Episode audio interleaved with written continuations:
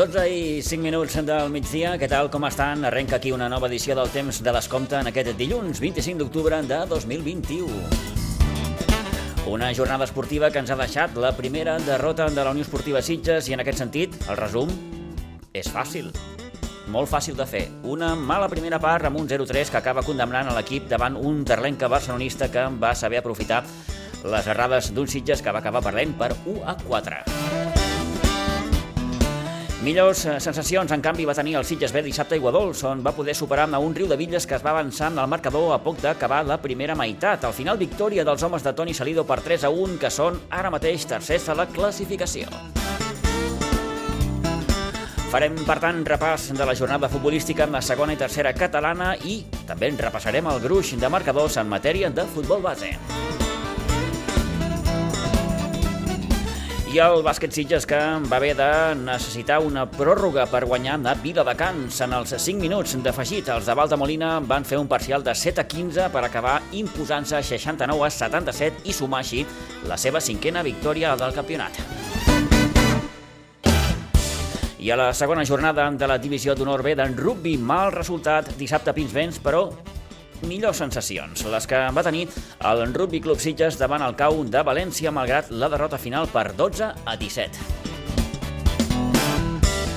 I en aquest cas els resultats i les sensacions segueixen sent negatives per a un club petit Sitges que no aixeca cap i que dissabte amb la pista del Congrés va encaixar un 8 a 0 que el deixa ara mateix coent de la classificació de primera catalana, encara sense puntuar després de les primeres quatre jornades. Avui que també Parlarem de futbol gaèlic, perquè d'aquí uns moments Edgar Monroig ens farà crònica de la primera jornada de Lliga que es va disputar ahir al camp de Pinsbens, amb la participació dels equips catalans de futbol gaèlic. 12 i 7. Arrenquem. Bé,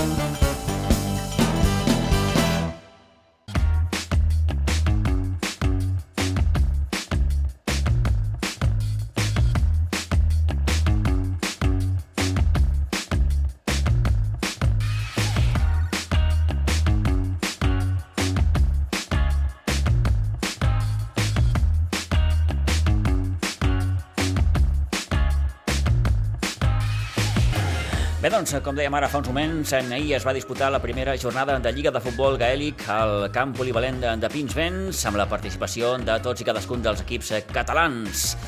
Ens en fa la crònica l'Edgar Monroig, membre del eh, Sitges Futbol Gaèlic. Edgar, bon dia, bona hora. Bon dia, Pitu. Què, què tal? Què tal? Bé, bueno, a les edats que tenim, baldats de l'endemà de jugar tants partits, però bé, Molt bé. recuperant-nos. Escolta'm, com ha anat aquesta represa? Bé, eh, era un format nou que estrenàvem eh, aquest any, era, jugàvem els quatre equips doncs, eh, catalans i a més a més afegíem la, la selecció catalana de recent eh, creació i bé, clar, hi havia alguns doncs, que ens havien d'intercanviar samarretes no? perquè havíem de jugar amb dos equips alhora uh Mhm. -huh. i per tant, per això ha estat, eh, ha estat molt dur. Ha estat molt Eh, dur. Escolta'm, explica'ns això de la selecció catalana. Com dèiem, és una selecció de, de, de, de vaja, de, com diuen els castellans, de nova cunya. Doncs sí, eh, aviam, això ha sorgit una mica doncs, en converses eh, que hem tingut amb el seleccionador gallec de futbol gaèlic. Sí. Eh, bueno, ja sempre ho he explicat, no?, que Galícia doncs, és un dels bressols no?, del futbol gaèlic, és, eh, és on hi ha més equips no?, a, a l'estat espanyol, per, per les ascendències doncs, eh, celtes que, que tenen, i bé, es dona la casualitat que aquest proper estiu, el mes de juliol a Pontevedra, es fa els europeus de futbol gaèlic i parlant amb ell ens va dir això, per què no creeu una selecció catalana i us convidem a jugar a l'europeu? I per aquest motiu doncs, ens hem posat les piles doncs, els, eh, els equips catalans, aquests quatre equips catalans, per formar una selecció catalana i així ens estem. Eh, S'ha aconseguit formar una bona selecció, Edgar?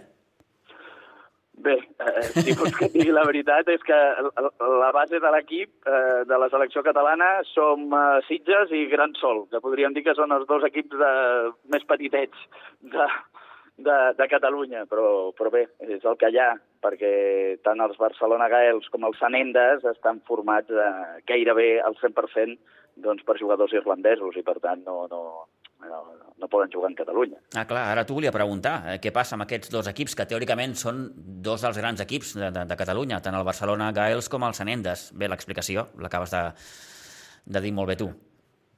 Sí, aviam, el, el criteri és que si portes un any jugant a Catalunya ja pots jugar amb la selecció catalana. Ah, però, d'acord. Però, però, però parlant amb ells, ells ja diuen que no, no volen jugar en Catalunya, saps? Però, Mm -hmm. Perquè eh, l'europeu aquest de Galícia, Irlanda no, no juga, no? Perquè, clar, el nivell d'Irlanda és tan gran que no que des de l'organització ja ni, ni se'ls convida, entre cometes, ni, ni ells mateixos estan interessats en jugar, no? Ells ja, bueno, ells prefereixen anar jugant, entrenant i tal, que no el fet de competir, no?, amb eh, seleccions de, de molt menys nivell que ells. Total, que estareu presents en aquest europeu, si no hi ha cap contratemps.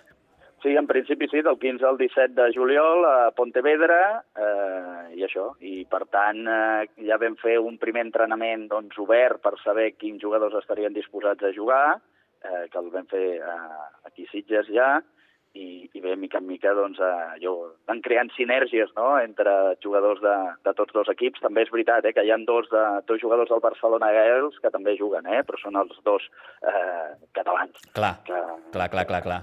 Sí que, que sí que juguen, no? Fantàstic. Però bé, Molt bé. Eh, ahir, primera jornada, com dèiem, de, de futbol gaèlic, eh, la primera jornada de Lliga amb el camp polivalent de, de Pinsbens. Explica'ns una miqueta, aquesta Lliga és, és, és de recent creació, és una Lliga que ja existia, com, com, com, com va tot plegat? No, és nou, o sigui, hem agafat el que era abans la Copa Catalana, mm. que, que s'ha jugat de diferents formats, semifinals i final, eh, Lliga tots contra tots, etc. Doncs aquesta edició, doncs igual, hem fet eh, el que seria Copa Catalana, li hem posat el títol de Lliga Catalana perquè hem afegit la selecció catalana, Mm. però de cara, per exemple, a la propera jornada, eh, no- no sé si li haurem de canviar el nom, perquè segurament vindrà Saragossa a jugar, també, i també s'ha interessat València i un, i un equip de Bilbao que s'està creant. Per tant... Caram, no sé caram, si al doncs això no no sé sabem si- al final quin nom, quin nom li posarem. Eh, eh, Però bueno, la idea era una mica doncs això, ampliar la Copa Catalana amb la selecció catalana per agafar doncs, rodatge a competició, però bé, anirem improvisant a mesura que vagin passant els mesos. Perquè no existeix una competició, allò de dir, un, un campionat, no sé si dir estatal o... o Sí, hi ha, el, hi ha el campionat ibèric, que si recordeu és eh, aquell campionat que nosaltres estem a, a, a la part nord-est, que, que sempre hi ha tres jornades, que això sempre comença cap allà al febrer, que hi ha tres trobades fixes, que és tot el dia que juguen molts partits, i que a nosaltres ens toca a Madrid, València i Barcelona, podríem dir. Mhm. Llavors hi ha tres jornades, una a València, una a Barcelona i una a Madrid. Però clar, això era el febrer, venim de mesos que, que, que no hem pogut gairebé jugar, no? I aleshores, eh, doncs els tornejos que es van, podem dir, impulsant, organitzant, eh, molts equips et truquen dient, escolta'm, no podem jugar nosaltres? I mira, i així és com, com ho anem fent. Eh, Però el que és la Lliga Estatal, que es diu Campionat Ibèric, eh, és febrer, març i abril, que són aquestes tres trobades que nosaltres ens toca València, Barcelona i Madrid, i en cas doncs, que facis molt bon paper, vas a la final, que llavors ja ho juga a Andalusia, a Madrid, a Galícia, s'ha fet a diferents jocs. I escolta'm, què, què fareu o què teniu previst fer? Eh, Perquè ara ens comentava, sí, hi ha equips de Bilbao, de Saragossa i València que estan interessats en poder disputar. Això, bé, no deixa de ser, no sé si dir, un, un, un mal de cap, no? Bueno, des del punt de vista organitzatiu, no? És Clar, una mica clar. allò de trobar la data. Nosaltres ara sabem que el proper, la propera jornada és el cap de setmana del 20 de, i 21 de novembre. En principi era el 21 de novembre perquè ens anava bé els equips que ja hi érem. Però ara, doncs, a Saragossa el 21, que és diumenge, sí que, li, sí que li va bé venir, els de Bilbao prefereixen el 20 a la tarda. Bé, estem intentant lligar jo amb, amb l'Ajuntament eh, diguem, la disponibilitat doncs, del camp, perquè l'altre és que tothom vol venir a Sitges a jugar, perquè s'ha escampat de que el camp és tan maco, que juga tan bé, etc etc, doncs que tothom vol venir aquí a Sitges a jugar. Seria Sitges també aquesta segona jornada, Edgar? Sí, sí, sí, sí. D'acord. Mhm. sí, sí. Eh, Bé, eh, gairebé per anar acabant, com, com va anar ahir? Eh, Barcelona, Gaels i Sanendes, mm, podem dir que són els primers triomfadors d'aquesta primera jornada de Lliga. Sí, són els dos equips eh, invictes, perquè, clar, els C5 equips no vam poder jugar tots els partits tots contra dos, evident, eh, tots contra tots, perdó. Evidentment, doncs, això vam fer aquestes, volíem fer aquestes dues jornades perquè donés temps. Eh, cada equip va jugar dos partits, eh, però bé, els Sanendes i els Barcelona Gaels doncs, van guanyar tots dos partits, eh, no es van enfrontar entre ells, evidentment, mentre que nosaltres, eh, com a Sitges, vam perdre els dos partits i la selecció catalana també va perdre els, els, dos, eh, els dos partits. Mm. Eh, eh, tenint en compte això, no, que va haver-hi jugadors dels Sitges que van jugar quatre eh, dels cinc partits que es van jugar ahir, els tres, eh, els tres últims de manera consecutiva, sense descans. Per tant, bé, l'últim partit eh, es va fer molt dur. Que justament eh. va ser el que Catalunya va perdre per, amb gran sol eh, per un punt, 6 a 5. Clar, la despesa física eh, era important en aquest sentit. Bé, doncs hem volgut fer una mica de repàs a aquesta primera jornada de Lliga de Futbol Gaèlic, que es va disputar, com dèiem ahir, al camp polivalent de Pinsbens. N'hem pogut parlar amb l'Edgar Montroig, del Sitges Futbol Gaèlic. Edgar, moltíssimes gràcies i que vagi molt bé. Sort en el futur. Moltes gràcies a vosaltres pel ressò que ens feu. Que vagi molt bé.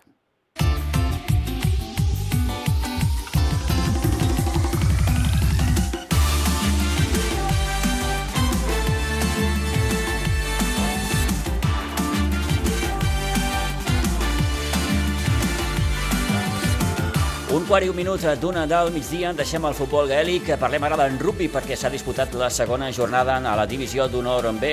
El Rugby Club Sitges jugava dissabte aquí a Pinsbens, rebent el Cau València, en victòria final visitant per 12 a 17. La resta de marcadors d'aquesta segona jornada van ser el Buc 25, València 20, Sant Cugat 22, Fènix 19, Barbarians de Calvià 8, l'Hospitalet 38, Acre Bàrbara 28, Poble Nou 18 i Sant Roque 24, en Gòtics 23.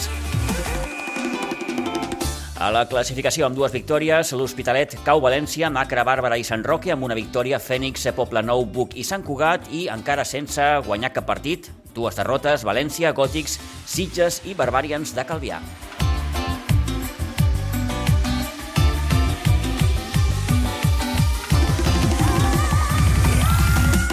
I com dèiem, tot just en començant aquest temps de descompte, millors van ser les sensacions que no passa el resultat aquest passat dissabte amb el camp de Pinsbens amb la derrota que va patir el primer equip del Rugby Club Sitges 12-17 davant el Cau València. Millors sensacions que no pas les que va tenir l'equip a Saragossa amb la derrota contundent que va patir al camp del Fènix. Parlem d'un partit igualat, molt la balança hagués pogut decantar-se, com es diu en aquests casos, a un costat o a l'altre, però al final un darrer assaig del conjunt valencià li va acabar donant la victòria. La valoració, per tant, que ens fa Camilo Hanglin, el tècnic del Rugby Club Sitges, positiva malgrat aquesta derrota. Eh, bueno, una semana difícil de, entrenamiento porque tuvimos que después de la primera primer contacto con División de Norvé hubo que mirar muchas cosas, hubo que hablar muchas cosas, porque la semana pasada nos dieron para que tengan y para que guardemos también un poquito. No, ganaron muy claramente en toda, en toda la competición dentro del campo la semana pasada y los chicos tenían que aprender a competir rápidamente, tenían que ponerse en, en la frecuencia en la que se juega en esta categoría, que es muy mucho más intensa con mucha mayor intensidad cada uno de los, de los contactos y cada uno de los encuentros. Así que bueno, nos preparamos para jugar contra el CAU, que es otro de los grandes equipos de división de Noruega que nos toca este año. Un equipo muy difícil, muy completo, con mucha experiencia y teníamos que revertir todo eso, todos esos detalles y errores que habíamos cometido la semana pasada. Y la verdad es que el partido salió muy bien pero le pusimos muchas ganas, eh, mejoramos mucho en los errores, muchísimo en la intensidad y logramos mantener un empate casi todo el partido. El partido fue un ensayo uno, un ensayo el otro. Un gran partido del Sitges, la verdad. Lástima que no se dio para nuestro lado, pero estuvimos muy cerca. Eh, con esta intensidad es con la que tenemos que jugar cada uno de los partidos que nos toquen jugar en División de Noruega nos vamos los entrenadores, creo que nos vamos contentos por el paso adelante ahora. Tenemos que empezar a trabajar, entrenar y perfeccionar todos los puntos flojos que tuvimos este último partido contra el CAO. que fueron muchos menos que la semana pasada. ladrillo a ladrillo. Sea, pusimos un ladrillo en la intensidad, en el contacto, en la búsqueda de limpieza de pelotas. Eh, todavía nos falta perfeccionar muchos puntos, pero bueno, por lo menos dieron un paso adelante los jugadores en el sentido de decir, bueno, estamos aquí para competir y cada una de las pelotas hay que competirlas.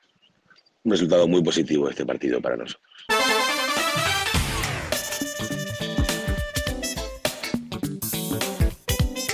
Bé, doncs no sempre cal treure lectura negativa d'una derrota, sinó, com explica Camilo Hanglin, resultat positiu per nosaltres, tot i, com dèiem, aquesta derrota per 12 a 17 davant Cau de València. Ara la competició esportiva, llevat del futbol, fa un petit recés perquè el, el pont del primer de novembre doncs, fa que s'aturi la major part de la competició esportiva. El Rugby Club Sitges que no tornaran a jugar fins al proper 6 de novembre. Serà al camp del Buc. Repassem també la resta dels resultats pel que fa als equips del Rugby Club Sitges, el sènior B que segueix, vaja, imparable en aquest inici de campionat, es va imposar de forma clara 63 a 3 al Cervelló. La resta d'equips, mm, vaja, van tenir mals resultats. El femení, per exemple, que va encaixar un 0 a 98 davant Gòtics, també va perdre amb el sub-16, 66 a 14 en la seva visita al camp de la Fuixarda, al camp del Buc, i al camp del Buc també va jugar l'equip sub-14, va perdre per 87 a 12.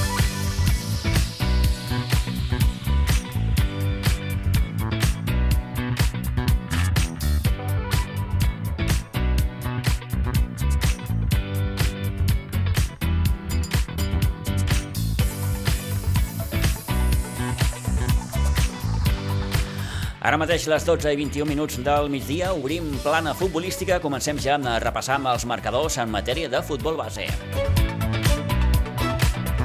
A la preferent juvenil, derrota del juvenil A de la Blanca Subur, 4-0 en la seva visita al camp del Nàstic B, després d'una primera part amb desavantatge mínim 1-0 els jugadors de Raúl Aroca van acabar encaixant aquest 4-0 que els deixa ara mateix a la cua de la classificació amb només un punt. Diumenge que ve en rebran el Terlenca barcelonista al nou Pinsbens. Aquests i d'altres marcadors dels equips de la Blanca els repassem com cada setmana en companyia de l'Isidre Gómez. Isidre, bon dia.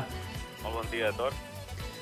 Bé, 4-0, eh, aquesta derrota de l'equip eh, juvenil mmm, que el deixa ara mateix, com dèiem, a la cua de la classificació. Bueno, potser és... La derrota potser la podíem intuir, però potser el 4-0 és una mica una mica escandalós. Uh mhm. -huh. Però bueno, ara s'escoltava quan comentaves tu el resultat del rugby, 0,98 que n'has dit un, em sembla, dic, pues bueno, 4-0... sí, sí, diguem que, que els, els tantejos al rugby són bastant més, més contundents, però en qualsevol cas, eh, com ens deia el passat divendres el, el tècnic, el Raül Aroca, les sensacions no són tan negatives com indiquen els, els, els marcadors o els resultats. Mm, això està bé, també.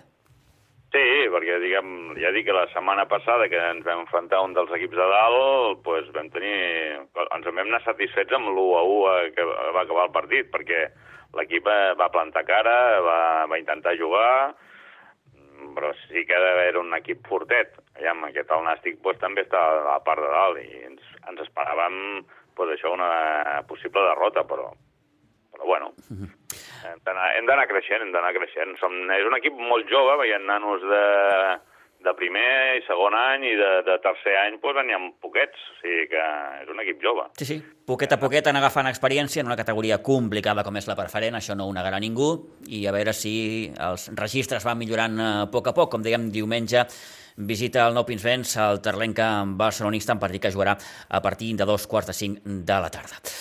Isidre, eh, repassem la resta de marcadors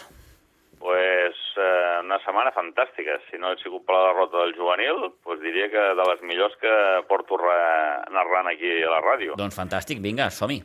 Mira, el juvenil B va guanyar 4-1 a la Granada, el cadet A va guanyar 4-2 al Sitges, el cadet B es va imposar 2-7 al camp de la Fundació Atlètic Vilafranca, en categoria infantil, l'infantil A va guanyar 3-1 al Sant Mauro, a l'infantil B es va imposar 2 a 4 a l'Atlètic Cubelles. Finalment el C es va imposar 0 a 10 també a l'Atlètic Cubelles. En categoria Benja, Aleví, l'Aleví A va guanyar 2 a 9 al camp de l'Igualada.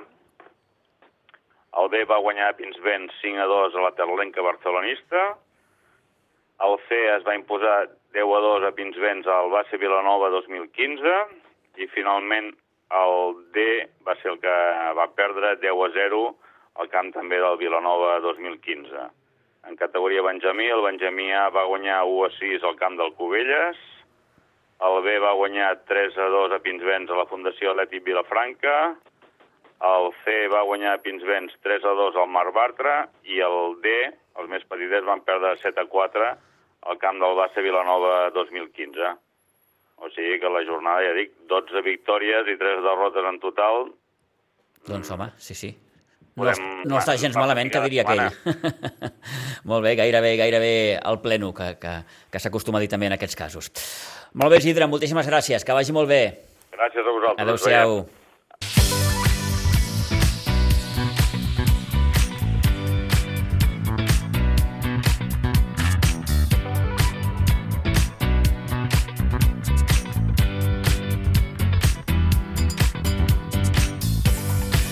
Bé, en el cas dels equips de la Unió Esportiva Sitges, no han anat tan bé les coses com ens comentava ara fa uns moments l'Isidre pel que fa als equips de la Blanca. En matèria de futbol base, seguim repassant més marcadors, com dèiem, els equips dels Sitges. El seu juvenil A que va perdre 5 a 1 al camp del Camp Buixeres, a l'Hospitalet. També va perdre amb el cadet A 4 a 2 al camp de la Blanca, amb el cadet de la Blanca i el juvenil B, que també va perdre 4-1, en aquest cas en la seva visita al camp del base Olèrdola, i derrota contundent, la que va patir el cadet B 9-0 al camp de la Martinenca. Més resultats. En aquest cas, l'infantil A va perdre aquí a Iguadols 0-3 amb el Gelida i l'infantil B va perdre 6-0 en la seva visita al camp del Sant Sadurní. Millors resultats els que va aconseguir els equips alevins. Els tres van, van guanyar.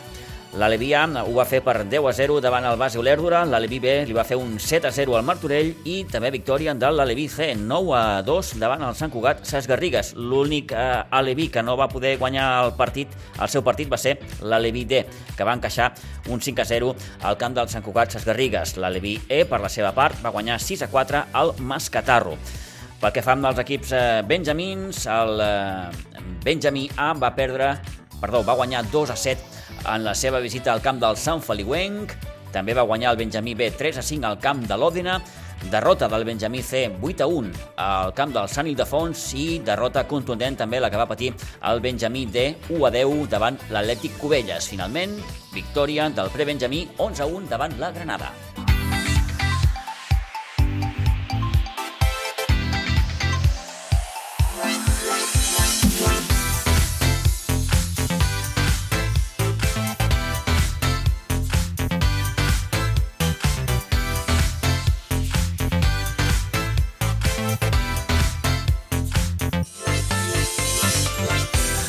Punt d'arribar al punt de dos quarts d'una del migdia. Seguim parlant de futbol perquè ara mateix toca fer crònica dels partits i classificacions de segona i tercera catalana.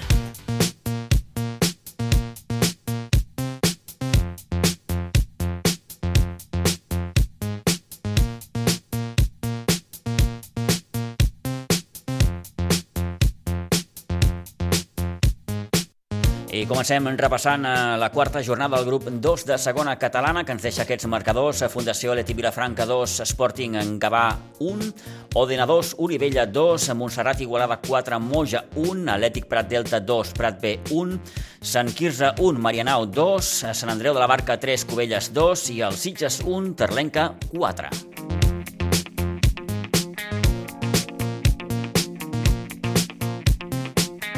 Per tant, aquesta primera derrota que encaixa en partit de Lliga a la Unió Esportiva Sitges el deixa, de moment, sense liderat. El nou líder és el Marianau, amb aquests 9 punts, els mateixos que el Sant Andreu de la Barca i el Sitges, que baixa fins a la tercera plaça, també amb 9 punts. 7 punts per Terlenca Barcelonista, 6 per Montserrat Igualada, per Fundació Aleti Vilafranca i per Atleti Prat Delta, 4 punts Olivella, Sporting, Gavà, Moja, Prat B i Sant Mauro, i els tres darrers classificats d'aquest grup 2 de segona catalana són el Cubelles amb 3, l'Òdena amb 2 i el Sant Quirze també amb 2 punts.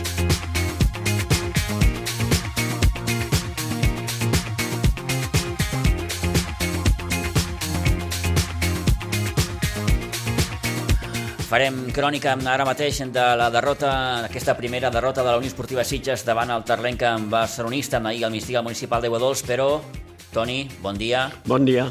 Un punt va ser capaç de sumar l'Olivella en la seva visita a Òdena. Sabem que Òdena sempre és plaça complicada, però al final el conjunt de Rafa Porres i Arturo Valera que va poder, com a mínim, esgarrapar aquest puntet. Sí, és un, un punt important perquè de fet els tres equips del Garraf que jugaven, doncs tan sol l'Olivella ha estat capaç d'empatar al camp de l'Òdena, no? És un molt bon punt, eh, jo penso que és important. Va començar marcant l'Olivella, però mm, va veure com el van capgirar el marcador i després, doncs, eh, va acabar empatant de penal, no? Eh, és un bon punt i l'Olivella continua allà. Aquesta setmana l'Olivella rep un, un equip complicat com és el Montserrat Igualada i aquí es començarà a veure les opcions d'Olivella, sobretot on té que assegurar els punts al seu camp. Un Montserrat Igualada, Toni, que en aquesta jornada li va fer un 4-1 al Moja, eh? Sí, sí, Sí, sí, és, és, un equip, és un equip que eh, encara dirà moltes coses, eh, perquè de fet el campionat és molt igualat. Eh, aquí, doncs, eh, eh, ningú és... Mm, és Superior. Un equip, sí, eh? exacte eh, i tothom eh, doncs, eh, corre el perill d'acabar perdent. La prova la tens... els Sitges ahir. La prova la tens amb els Sitges, no? Ningú s'esperava aquesta desfeta, però quan t'encantes i tens alguna errada, doncs l'acabes pagant molt car en aquesta categoria i això li va passar ahir als Sitges. Eh, fixa't, el Terlenca barcelonista que abans de jugar el partit d'ahir a Iguadols només havia aconseguit una victòria. Sí, sí. El que passa que a mi me va demostrar, sí, sí que és cert que se va al descans amb un 0-3, però després me va demostrar que és un equip molt compacte, que treballa molt totes les seves línies i que defensivament és un equip que, que, que està molt ben tancat, costa molt d'obrir la llauna, eh, de buscar-li espais, eh, i, i en el seu camp, tu imagines, serà un equip mm, bastant complicat. Això acaba de començar, estem parlant de la quarta jornada i la prova tens que amb aquesta victòria doncs ell ja dona un salt interessant eh, sí, sí. a la classificació. S'ha ficat quart eh, de cop i volta. És quart, és quart a la classificació davant d'equips com l'Atlètic Prat Delta, eh, doncs, que són equips que, que tenen molta solera i que en aquesta categoria tenen molt que dir, i en canvi ells s'han col·locat allà, perquè me dona la sensació que tot i que el Sitges le va fer molts regals al llarg de tota la primera part, a la segona va demostrar que és un equip compacte. Hi ha una dada interessant que m'apuntava ara fa uns moments al Toni, i és que els Sitges s'han queixat molt a casa. Sí, han queixat set sí, gols. Sí. De fet, el Sitges... Entre jugat... Moja i Terlenca Barcelonista Set gols. Sí, sí, han fet set gols. Eh, eh, Tres li va fer el Moja, quatre i al conjunt del Prat. Correcte. Ha jugat quatre partits, dos a Can Contrari i dos a casa. Curiosament, a Can Contrari no han casat cap gol. I, i ha obtingut els mateixos marcadors, 0 a 1. 0 a 1. Eh. Va guanyar el camp del Montserrat Igualada en el darrer instant, uh -huh. eh? Eh, i va acabar guanyant l'Olivella també ja quan faltava un 10 minuts. Eh, dona la sensació que se sent més còmode a Can Contrari que no pas a casa, perquè a casa ha encaixat 7 gols eh, i això diu molt. Toni, la derrota d'ahir s'explica molt fàcilment. Eh, una mala primera part acaba condemnant. Te'n vas 0 a 3 amb gairebé 3 regals.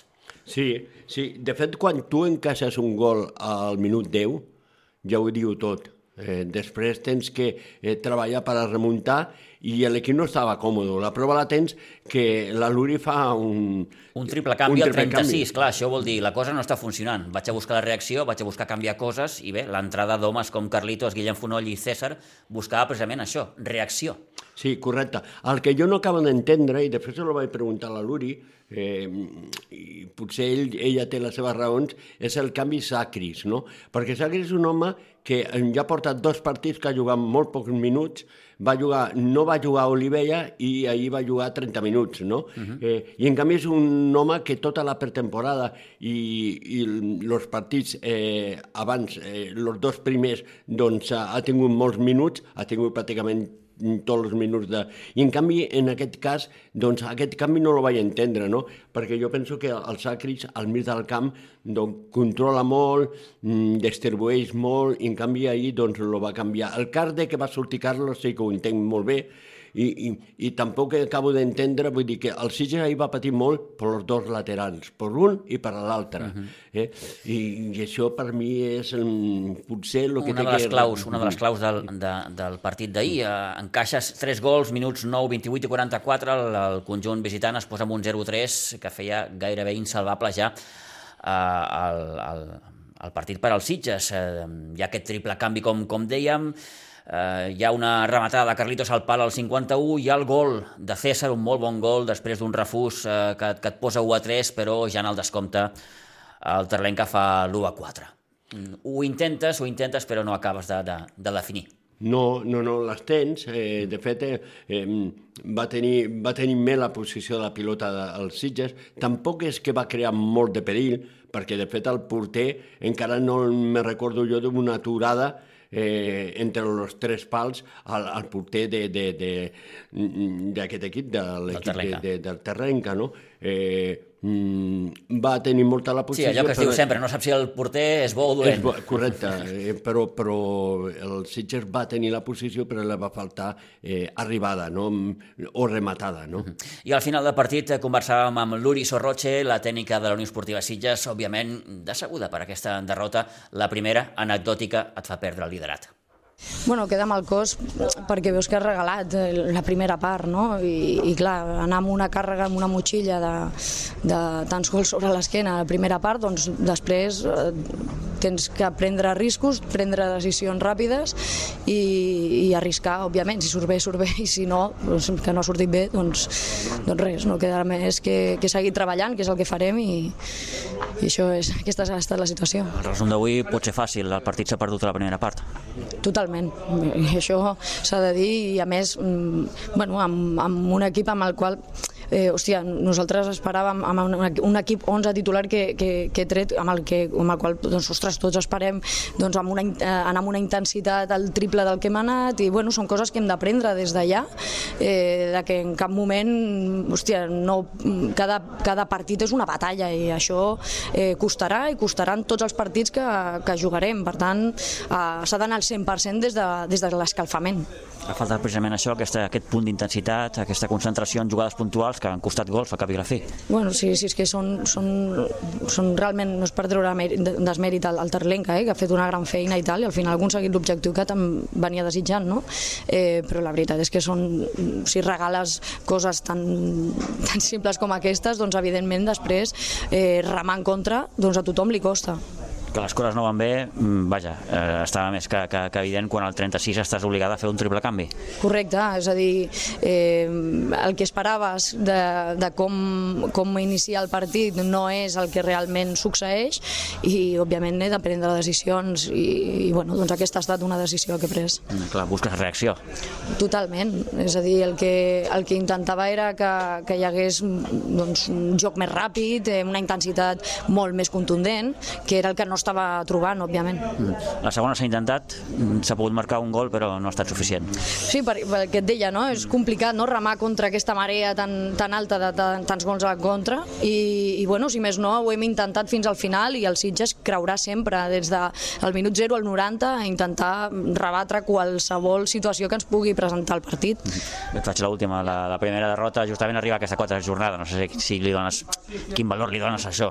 Bueno, tots sabem que al final la, les derrotes, si més no, arriben en algun moment de la, de la temporada eh, i, i nosaltres hem d'estar preparats i amb el cap ben alt i, i, i ben contundents en el pròxim entrenament per afrontar el següent partit de Lliga.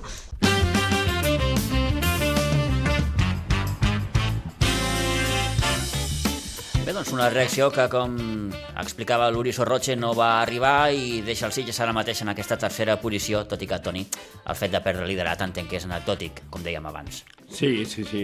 Són quatre jornades, Queda dir. molt de campionat, no? Ara tens que anar al camp del Prat... Se li ha i- donat poc valor a la classificació ara, entenc. Sí, Home, sí. no, a no ser que hagis fet un desastre d'inici, però, però que no és el cas, però, però vaja, és relatiu això. Sí, és molt relatiu. Jo, jo penso que ahir el, el Sitges va notar molt a faltar Geri eh? Cert. Eh? i Laguna. Per mi, eh, Laguna té que jugar per la lateral, eh, és un jugador que no estava ni convocat perquè, de fet, sé que va fallar algun entrenament perquè està fent un curset i no podia entrenar. Aquests dos jugadors doncs, eh, són importants als Sitges, sobretot en l'aspecte col·lectiu. No?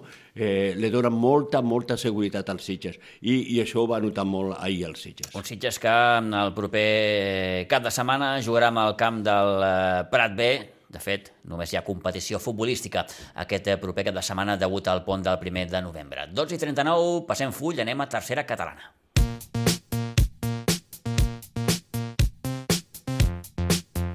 Els marcadors que ens deixen, en aquest cas, la sisena jornada del grup 12 de tercera han estat el Montbui 5, Masquefa 1, la Pobla de Claramunt 0, Penya Jove 3, la Múnia 4, Ateneu Igualadí 0, Sitges B 3, Riu de Villes 1, Vilanova del Camí 1, la Granada 0, Piera 2, les Cabanyes 2, Torrellenc 0, Ribes 1 i Aleti Vilanova 3, Anoia 1. El Ribas que continua amb aquesta trajectòria de moment imparable, 6 partits, 6 victòries, líder amb 18 punts, seguit de la Penya Jove amb 15, el Sitges B, que és tercer amb 13 punts, els mateixos que el Riu de Villes, 10 punts per la Múnia i la Pobla, 9 per Anoia, 8 per les Cabanyes, 7 punts per Vilanova del Camí i la Granada, 6 per Aleti Vilanova i Montbui, 4 per Base Espirall, Piera i Torrellenc i tanquen la classificació. Al Masquef amb 2 i amb només un punt l'Ateneu Igualadí.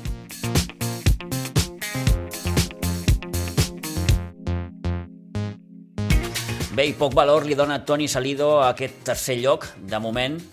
Toni, Toni Salido, que és un home que de moment no vol sentir a parlar de classificacions i objectius i ell està centrat en el, en el dia a dia, en intentar competir, com molt bé diu ell sempre, i pas a pas. Sí. Però aquest Sitges, bé, de moment, ofereix... té bona pinta. Això està molt bé, molt bé per, de boca cap a fora, no? Però els resultats sempre motiven. I Toni Salido, tot i que digui això, ell sap que, que l'equip està arrollant. Home, I, el creixement, si ve acompanyat de bons resultats, Clar, sempre és molt millor. clar, que tinguis ara un equip tan nou, tercer a la classificació, enrere de dos equips que marcaran dif les diferències, com és el Ribas i Penya Jove, ho diu tot, o la victòria dels Sitges davant de la Penya Jove, no? Un equip que està fet per pujar uh -huh. en jugadors que poden jugar tranquil·lament a tercera divisió, no? Eh, el que passa és que, clar, el Toni té que motivar l'equip i ell ara diu que els resultats eh, no li interessen tant, però sí que li interessen, perquè, clar, a cap i a la fi la feina també els porta els resultats, no? I, i, i, i, i el que són les coses. El Sitges també va jugar una pèssima primera part, per mi la primera part no me va agradar gens dels Sitges i, i fins i tot va, donar, va, va fer un regal, el regal que el feia al, al Vila, eh, perquè marqués Sí, sí. el gol. Una errada, en aquest cas, d'Adrià Lobato, del porter, que li va servir en safata pràcticament a Sergi Vilas per fer el 0-1 a porta buida. Faltava poquet per acabar la primera meitat. I te'n vas amb aquest 0-1 i, i allò de dir, bueno, a remar en contra. Eh? Però el Sitges fa una sèrie de canvis que le van com anell al dit i reacciona a la segona part. Quan el Sitges comença a tocar, quan aquest equip de Toni Salido comença a tocar i el mig del camp toca, doncs ja se, se li nota la millora, no? I això és el que va passar, no? Uh -huh. ell, la prova la tens que ell va fer eh, canvis, va sortir el Mac Gili, que va marcar, va sortir el Guillem eh, Gràcia. Gràcia, que va marcar, eh, le va anar, vull dir, perquè té, té, té jugadors per, per els canvis perquè no es notin, no?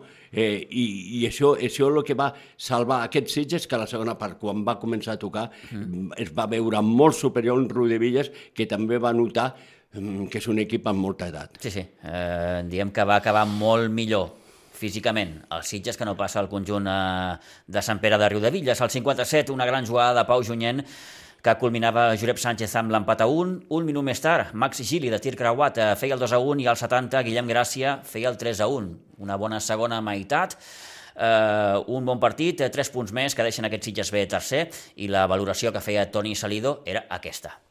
Sí, totalmente. Primero, primero porque hemos intentado, segundo porque nos vuelven a meter otro gol y volvemos a seguir queriendo ganar un partido y remontándolo. Eh, y tercero porque al final los chavales lo están haciendo bien, están intentando jugar, y combinando un poquito el largo con el corto, y, pero sí que lo están intentando, lo están haciendo bien y felicitarlos y muy contentos por ello. Ha una cosa que, que a l'equip no, no, no se li retreure, que és, que és actitud. Bueno, solo que también es, una esencia que tenemos que tener, que, el trabajo y, las ganas de, intentar ganar un partido, hay a veces como hoy que te salen bien y que sales con buen gusto de boca y otras veces no, como la semana pasada en el campo de Rivas, pero lo que sí que no se puede discutir que este equipo tiene, tiene ganas de, ganar puntos y, por lo menos lo intenta, haciéndolo días bien, otros días mal, pero lo intenta con, ganas y con ilusión, con, con, con con nuestros errores y con nuestras cosas buenas ¿no? que, que tenemos nuestra juventud, que, que nos ayudan mucho en muchas circunstancias y otras nos penaliza, pero la verdad que muy contentos con ellos, muy, muy satisfechos y solamente queda seguir, que sigan compitiendo, que es lo único que se les pide, que compitan, que, que, que lo intenten y, y poca cosa más. I, i capacitat de reacció, perquè fixa't, el, el 0 a 1 que fa el Riu de Villes ve d'una errada de, de l'Adrià, però l'equip ha tingut aquesta capacitat de, de, de, de saber-se sobreposar. Sí, bueno, es que al final eh, la primera parte para mí no, no ha sido nada mala. Hemos tenido, hemos arrancado muy bien, con, con cuatro o cinco ocasiones muy claras, teniendo la pelota, intentando circular de un lado a otro. Sí que después que al minuto 30 parece como que, hemos bajado un poquito el nivel, porque ya no teníamos tanto el balón y era todo más eh, balón incontrolado por dos equipos y justamente en esa no ha venido el gol. Eh, un fallo nuestro, un regalo como, como prácticamente cada semana, pero, pero bueno, eh, hemos vuelto a estar en el campo, hemos salido otra vez bien en la segunda parte, creo que los cambios también eh, nos han ido bien porque han salido con muchas ganas desde, desde el banquillo y creo que, que han dado el plus que, que- que faltaba para acabar de, de darle la vuelta a esto y, y la verdad que muy contento, muy orgulloso y a seguir. I si una cosa té el Riu de Villes és, és que és un equip molt experimentat, té, té, té, té experiència, però físicament heu acabat molt més sencers que ells. Bueno, creo que Ruiz de Villas tiene un, un plus, pero el plus a, bueno, ¿no? Porque al final tiene mucho chaval joven, pero después tiene cuatro o cinco veteranos, Vila, Mascaró, eh, bueno, Ivo que no, no ha podido estar hoy por sanción, pero bueno, al final tiene una mezcla buena que creo que, que va a ser uno de los equipos que, que- va a estar dando guerra y, la verdad que muy contento por el resultado y por el trabajo de hoy. Bueno, Toni, seguiu allà. Bueno, eh, ahora mismo no, no me interesa mirar clasificaciones, o sea, no, no, tampoco nos pertoca, o sea, no, lo único... És un bon coixí que ja teniu.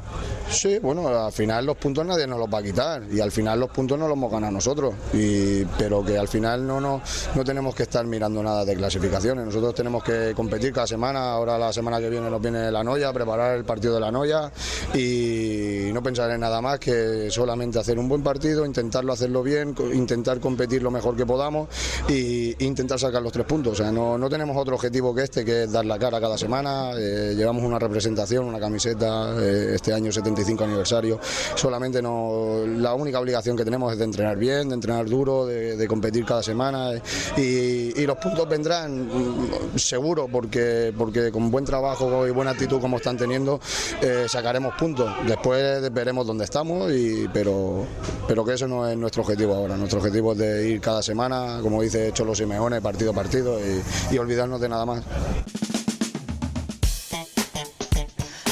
Bé, doncs aquest xivarri que escoltaven de fons era el vestidor, eh? eh clar, cada cop que es guanya un partit hi ha xivarri, hi ha animació. És normal, oi, Toni? És molt normal, són molt joves. La, la, la eh, música allò molt- amb volum important. Estaven en fi, il·lusionats, Sí, sí, sí, estan eh, contents, home, sí. són, I, i són eren, bons dies per ells. Sí, sí, a més, eren, tot i que el Toni digui el contrari, eren tres punts molt importants, perquè tu perds amb el Rodivilles i el Rodivilles passa per sobre teu. En canvi, ara estàs empatat amb un equip eh, que està fet també per a fer un campionat eh, digne, no? Per això jo crec que, que clar, per això estaven tan contents, no? Perquè valia la pena. És, és normal, és normal. Proper partit al camp de la Noia, una noia que va perdre 3 a 1 eh, davant l'Atlètic Vilanova, una noia que va començar molt fort, però que sembla que s'ha desdibuixat una miqueta. Sí, i una a més, miqueta, eh? era estrany, eh? perquè el campionat que va fer l'any passat va ser pèssim, no? Eh, Fins, no va perdre categoria perquè miracle, no va sí, baixar sí, sí, ningú. Eh? O si no, hagués perdut categoria. I, en canvi, va començar molt fort, però ahir ja es va veure que l'Atlètic Vilanova és molt superior i, i que el Sitges, si fa el que té que fer, pot eh, rascar el camp de la noia. Toni, una jornada en què els grans, per dir-ho així, no van fallar. No, No. va fallar ni el Ribas, ni la Penya Jove, el Sitges B, que, que està tercer, tampoc. No, no, no fallen. Potser el que tenia el partit més complicat era... Bueno, la Penya Jove tenia un, un partit complicat perquè era el camp de la Pobla de Clamunt, un camp molt petit, allà la gent sobra, eh, però va... Però té, té, va té, sobreviure. Clar, té, té, té, té molta arribada, té gol, té gol. I, i el Ribas, doncs, a, a Torrelles, el Torrelles no ha començat com l'any passat, però és un equip rocó, és difícil, en canvi un gol del mateix, del de sempre, del Gunter, Gunter. do, le dona els tres punts. De nou decisiu, la participació de Gunter per donar i mantenir aquest liderat al Club Deportiu Ribes. 12 i 49, anem cap al bàsquet.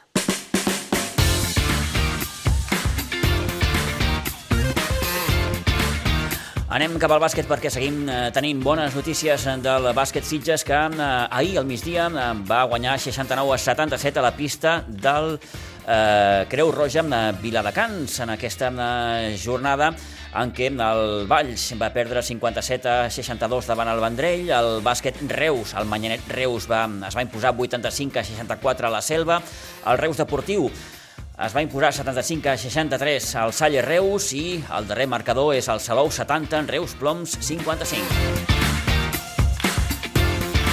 El partit de Casal Vilanova se jugarà el dia 12 de novembre. Pel que fa a la classificació, bàsquet Sitges, líder en solitari, 5 victòries, cap derrota, amb 4 victòries, una derrota al Reus Deportiu i amb 3 i 2 al Valls i el Salou. Un bàsquet Sitges al que li va caler una pròrroga per guanyar en aquest cinquè partit a la pista del Creu Roja amb Viladecans, un partit que va acabar amb empat a 62, partit igualat als dos primers períodes, 32 a 31, eh, favorable amb el conjunt local i a la pròrroga victòria del Sitges per 7 a 15. Coses positives, més enllà d'aquesta victòria, que Omar va poder disputar els seus primers minuts. Va anotar 12 punts al pivot del bàsquet Sitges. Notes positives, també els 16 punts, per exemple, que va notar el jove Àngel Miguel Sanz, perquè del partit en general va ser el jugador del Viladecans, Víctor Boga, que va notar 22 punts. La crònica que ens feia el tècnic Balta Molina del partit, aquesta. Doncs t'explico que eh, avui a Viladecans hem patit també força, com tots els partits que estem jugant fora. I avui no ha estat el Mauro qui ha ficat la cistella final, tot i que ho hagués pogut fer, però ha decidit passar-la al Bustos i dissortadament doncs, ha fallat i hem hagut de jugar una pròrroga. Un partit molt igualat, com el marcador ha indicat i com ho demostra la pròrroga, que hem començat molt malament, mm, no en atac, que estàvem bastant encertats al primer quart, al principi del partit, però defensant érem, érem eh, hermanites de la caritat. No he hagut de demanar temps mort eh, als pocs minuts de començar perquè l'actitud de l'equip doncs, no, no era la bona. Per sort hem sapigut eh, reaccionar, eh, eh, he canviat a zona per intentar doncs, canviar una miqueta el rumb del partit, ens ha sortit bé, però bé, eh, eh, tot el partit ha estat molt igualat, ens hem aconseguit marxar al tercer quart una miqueta, però de seguida el Viladecans ha reaccionat i en un mal darrer quart, dolent, eh, en, en atac, perquè el parcial del, del darrer quart ha estat 13-10 en contra. Veníem de guanyar 3 amunt, 49 a 52 al tercer quart, que havia estat força bé, 21 a 17 al parcial, i mira, eh, el darrer quart no hem sabut atacar bé, o et diria que més que no saber atacar bé, doncs hem fet llançaments mmm, bueno, eh, que no estaven malament tirats, però no hem tingut sort. De forma que, pròrroga. La pròrroga, per sort també, hem començat endollats, de seguida hem ficat tres cistelles seguides, ells no estaven, no sé, s'han marxat una miqueta mentalment del partit, han fet unes errades bastant tontes i, i ja a minut 3 han hagut de, els dos minuts de, de joc han hagut de demanar temps mort, però eh, no, no han sabut reaccionar. Jo he sortit en una zona a la, a la, a la pròrroga per, per trencar una miqueta la dinàmica de l'últim quart, que no ens havia anat molt bé, i ja la zona, quan la vam practicar el segon quart, ens havia anat força bé i, i almenys havíem aturat l'atac de l'equip rival i, i també han demanat temps morts, suposo també per intentar eh, atacar més encertadament la zona i, i no ha anat bé per ells i no, no, no l'han sapigut. He decidit canviar aroma també per, eh, per despistar una miqueta i, com ja s'ha vist al final, hem guanyat de 7 aquest, aquesta pròrroga i uf, ens hem anat a casa una miqueta tranquil·lets. Eh, ha estat un partit, mira, que, que sobretot ha destacat el, el Bustos i l'Omar, han fet una molt bona feina, de fet, mm, el, el més menys, els, eh, la diferència del marcador quan els jugadors estan en pista doncs ha estat molt bo pel Bustos, que quan ell ha estat jugant el més, el, el més menys eh, és favorable de 18 punts i l'Omar de 14, o sigui, s'ha notat. El Mauro també ha jugat molt bé. I en quant a punts, doncs mira, destacar l'Àngel que ha fet 16, eh, l'Uri 14, el Nacho 10 i l'Omar 12. Un partit molt disputat. Eh, veníem una miqueta confiadets i ho hem pagat al primer quart. Per sort, mm, ho hem sapigut eh, arreglar i mira, ens podem, podem dir que ja portem 5 partits jugats i 5 victòries. I esperar aquesta setmana descansem i el proper partit, el dia 7, contra el Valls, que és el tercer, classificat, eh, tot i que ha perdut aquest, aquest, aquesta setmana contra el Vendrell.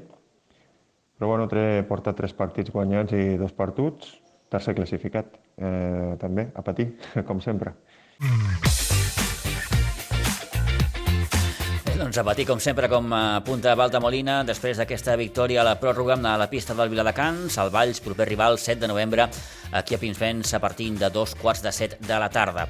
Eh, una jornada en matèria de bàsquet que també ens ha deixat la victòria del sènior B, 66 a 59, davant el Sant Andreu de Nazaret, va perdre, en canvi, el sènior femení 38 a 26 a la pista del Club Bàsquet de Vegas.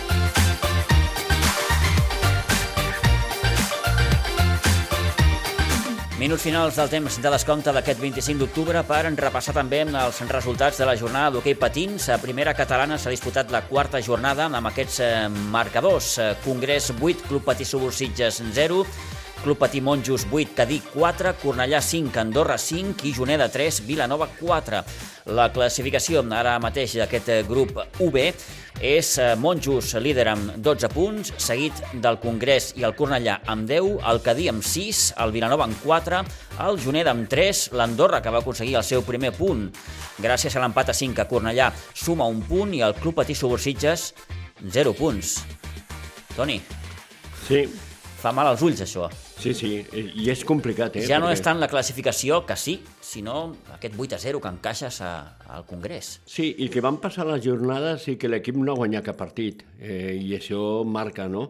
Eh, i, I clar, l'objectiu ara per ara és salvar la categoria, però clar, tens que sumar perquè si no ja serà molt complicat salvar mm. aquesta categoria. Eh, com hem passat d'estar lluitant per pujar a Nacional Catalana, com aquell qui diu, a, a, com dius, molt encertadament, clar, aquest aquesta temporada l'objectiu ha de ser, òbviament, no perdre categoria. Clar, sí, però si, si, si portes aquesta trajectòria de derrotes i, i clar, per el que estic veient eh, és molt complicat, eh, doncs, eh, clar, necessites una victòria ja sí. per sumar els primers tres necessites punts. Necessites un, un resultat que, que, que, que et canvi aquesta dinàmica. Clar, que canvi la dinàmica i puguis treballar eh, ja més tranquil, Sobre un coixí no? més, més tubet, clar, eh, més perquè si no, si no per... es patirà molt, es patirà molt. Perquè si no la categoria està molt lluny. Eh? Feina tindrà i té, de fet, el Jofre Vilà per intentar redreçar amb aquesta, amb aquesta situació que de moment és, és totalment negativa, amb aquests 0 punts. S'han disputat ja 4 partits, 4 derrotes i atenció a la propera jornada perquè és el 6 de novembre, dissabte dia 6 de novembre, amb aquí a Pinsbens amb el Club Patí Vilanova. Clar. Vilanova ja ha sumat un, una sí, té, victòria. Té, té 4 punts. 4, una victòria i un empat. I un empat, sí, sí. Eh? I en canvi el Sitges no ha sumat res. Bé, doncs eh, veurem, veurem com, com va tot plegat després d'aquest eh, partit. Eh, repassem també els resultats dels equips del Club Patí Subursitges, dels eh, tres equips. Per exemple, dir que l'Alevi eh, va perdre en 0 a 4 aquí a Pinsbens davant el Club Patí Manlleu. També va perdre l'equip Benjamí 1 a 8 amb el Sant Ramon i l'únic que va ser capaç de guanyar els més petits, el Pre-Benjamí, 2 a 4 en la seva visita a la pista del Ribas. Marcadors d'hoquei que ens marquen ja amb el punt i final del temps de descompte d'aquest dilluns 25 d'octubre. Toni, moltíssimes gràcies. Molt bé. Bona setmana a vostès. Moltíssimes gràcies també per la seva atenció. Que acabin de passar molt bon dilluns. Adéu-siau.